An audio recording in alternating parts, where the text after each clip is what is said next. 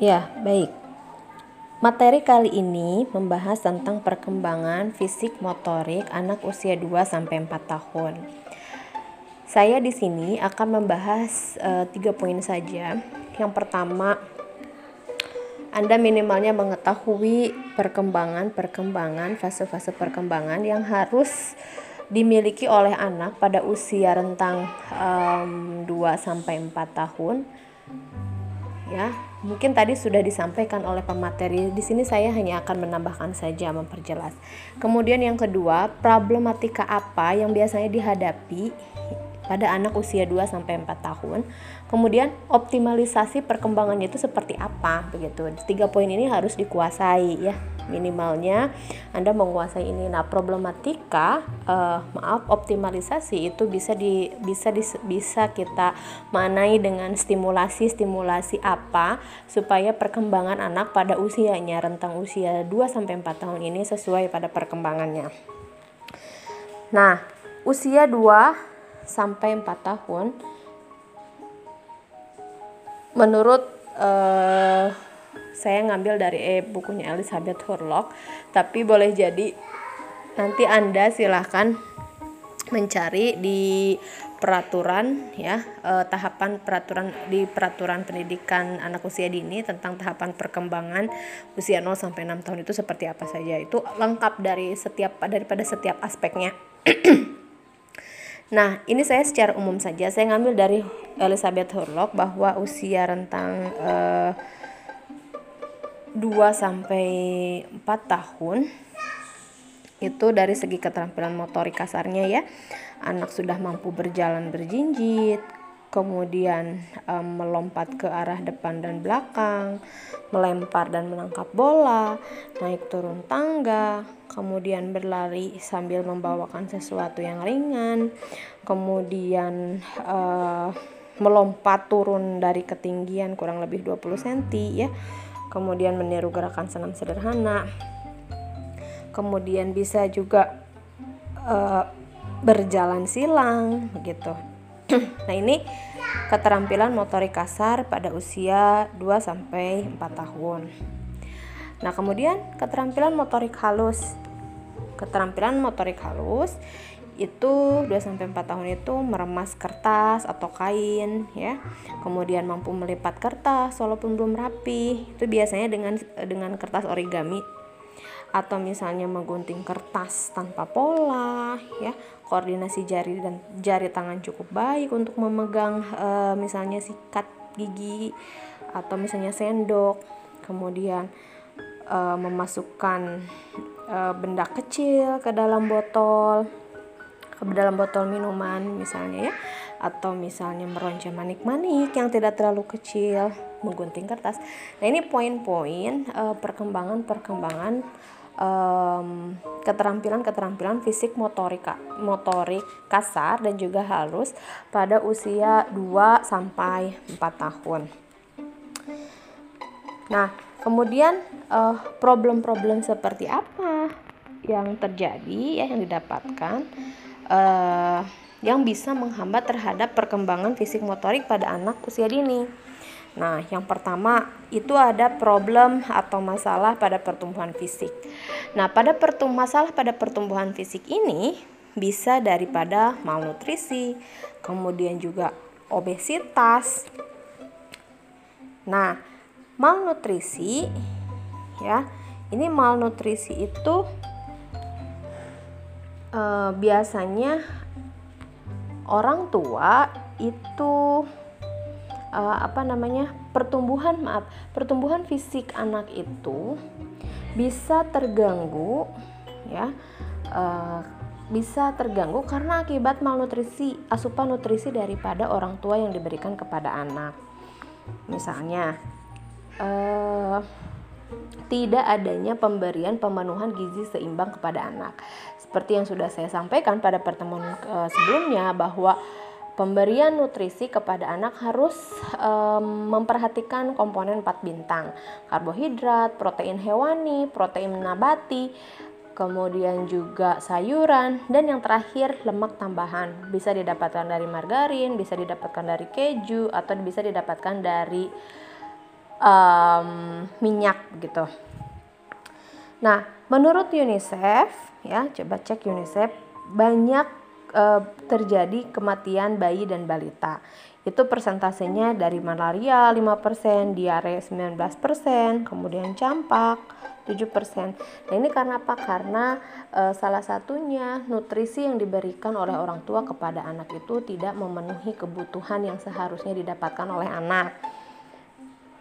Nah, sehingga apa? Sehingga mengakibatkan terhambatnya pertumbuhan fisik terhadap anak. Ya. Nah, kemudian yang perlu diperhatikan itu obesitas. Obesitas istilah daripada kelebihan gizi atau kegemukan. Nah, kegemukan e, ini juga sama. Itu kalau dilihat dari asupan makanan itu bisa karena e, makan jajanan yang makan makanan yang cepat saji ya. Contohnya misalnya e, burger begitu. Kemudian e, pizza, pokoknya makan makanan yang cepat saji begitu. Soft drink ya. Atau mungkin juga faktor keturunan atau bila jadi faktor keturunan. Faktor keturunan di mana memang orang tuanya uh, memiliki tubuh yang gemuk begitu ya jadi ini uh, memungkinkan terhadap anaknya mengalami kegemukan sekitar 60 sampai 80 persen atau misalnya ketika anak uh, masih menyusui ya intensitas pemberian susu formula itu lebih sering daripada pemberian susu ASI begitu. Nah ini juga uh, salah uh, salah satu faktor daripada obesitas. Atau time timingnya pemberian susunya itu tidak terjadwal. Misalnya uh, durasinya itu 20 menit sekali atau 15 menit sekali tanpa terjadwal kemudian mengonsumsi makanan yang kurang sehat. Ya itu tadi sudah disampaikan kurangnya uh, makanan yang tidak sehat begitu ya konsumsi makanan kurang sehat. Atau aktivitas fisik pada anak karena pada usia ini adalah masa pertumbuhan uh, ya perkembangan. Artinya perlu adanya kegiatan fisik. Supaya apa? Supaya uh, perkembangan anak pada usia ini optimal ya Nah, kemudian yang kedua problemnya selain masalah daripada problem uh, selain problem daripada malnutrisi itu ada masalah dalam perkembangan motorik. Nah, perkembangan motorik ini misalnya uh, problemnya itu ketika anak tidak mampu uh, mengatur keseimbangan. Nah, misalnya kebingungan dalam menentukan kaki yang mana yang akan dilangkahkan ke, ketika naik tangga. Atau kaki yang mana ketika dia akan mulai berjalan. Nah itu ya naik tangga berjalan.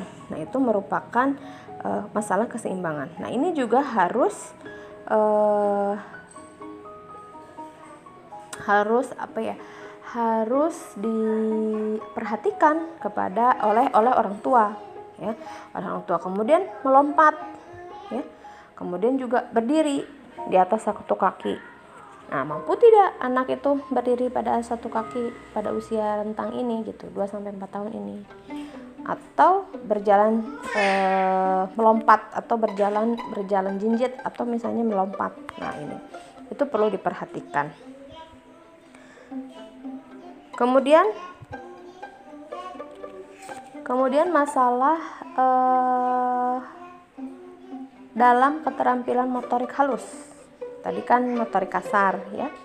Motorik halus misalnya belum bisa menggambar bentuk eh, bermakna gitu ya.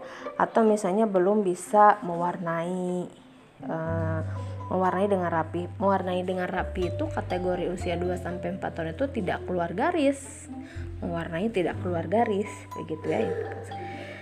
Nah, kemudian poin berikutnya, nah bagaimana optimalisasi perkembangan fisik motorik terhadap usia dini, anak usia dini? Yang pertama itu melatih anak dengan permainan yang melibatkan aktivitas motorik kasar dan motorik halus. Misalnya melempar bola, kemudian menangkap, kemudian naik prosotan, main pro, main prosotan. Nah, ini juga e, merupakan salah satu optimalisasi perkembangan fisik motorik pada anak. Ya, satu melatih anak dengan permainan. Ya. Kemudian poin yang kedua, menyediakan lingkungan bermain. Nah, menyediakan lingkungan bermain ini penting karena untuk mengoptimalkan perkembangan fisik motorik anak. Gitu ya. Nah, makanya di setiap rumah itu diusahakan ada halaman untuk apa? Untuk uh, lingkungan untuk tempat bermain yang dapat melatih dengan dapat melatih keterampilan motorik anak. Kemudian yang ketiga, memperkenalkan melatih anak melalui jenis permainan sebanyak-banyaknya. Tidak hanya permainan cilukba ya, tapi juga permainan-permainan uh, yang sifatnya permainan fungsional, permainan konstruktif. Nanti Anda akan belajar di mata kuliah bermain. Nah, itu. Kemudian yang berikutnya tidak menekankan kepada kekuatan dan kecepatan pada bermain ya, pada kegiatan bermain. Tapi lebih memperhatikan gerak postur tubuh yang benar dalam aktivitas uh, motorik tentunya. Nah, ya. Jadi tidak uh, kekuatan dan kecepatan itu uh, apa namanya tidak menjadi tolak ukur yang pertama. Tolak ukur yang pertama itu adalah melakukan kegiatan itu dengan memperhatikan gerak dan postur tubuh yang benar. Nah, ya jadi tidak bisa kekuatan kecepatan dijadikan indikator utama, tapi kegiatan gerakan dan postur tubuh yang benar itu menjadi indikator yang pertama. Kemudian yang berikutnya tidak membeda-bedakan perlakuan kepada anak laki-laki dan perempuan dan perempuan pada saat melakukan kegiatan bermain. Semuanya sama. Semuanya memiliki hak dan kewajiban yang sama. Perempuan bermain seperti A, laki-laki bermain seperti A. Nah, gitu. Hanya memang kalau untuk anak laki-laki kita harus mengetahui nih karakteristik anak laki-laki guru ya. Kalau laki-laki itu dia cenderung uh, apa cenderung memiliki keterampilan motorik kasar. Tapi kalau laki-laki, kalau perempuan itu cenderung uh, lebih kepada um, keterampilan motorik halus, lebih suka menggambar, lebih suka mewarnai, begitu. Itu Nah, kita itu mengarahkan sebagai pendidik itu hanya mengarahkan untuk optimalnya perkembangan anak. Kemudian berikutnya, tidak membeda-bedakan keterampilan motorik anak yang satu dengan yang lainnya. Ya tentu ketika uh, menjadi guru, calon guru itu ketika menghadapi anak yang kurang unggul pada satu permainan itu tidak menjadi problem yang uh, utama.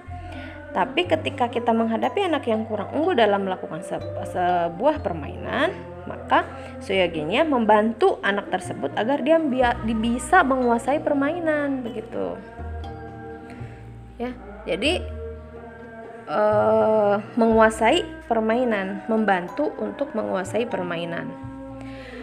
Nah, kemudian yang terakhir bersabar pada saat mendampingi anak bermain. Memang bersabar itu merupakan hal yang paling sulit untuk dilakukan. Tapi kesadaran kesabaran itu akan mengantarkan pendidik PAUD ya dan orang tua pada ketelatenan dan bisa melatih keterampilan motorik anak sesuai usianya begitu. Juga dapat mengoptimalkan perkembangan fisik motoriknya. Nah, itu bersabar. Jadi ada poin-poin yang tadi mohon diperhatikan untuk optimalisasi. Mudah-mudahan dengan yang saya sampaikan hari ini itu bisa mengcover pertanyaan-pertanyaan yang dilontarkan oleh teman-teman semuanya. Demikian, wassalamualaikum warahmatullahi wabarakatuh.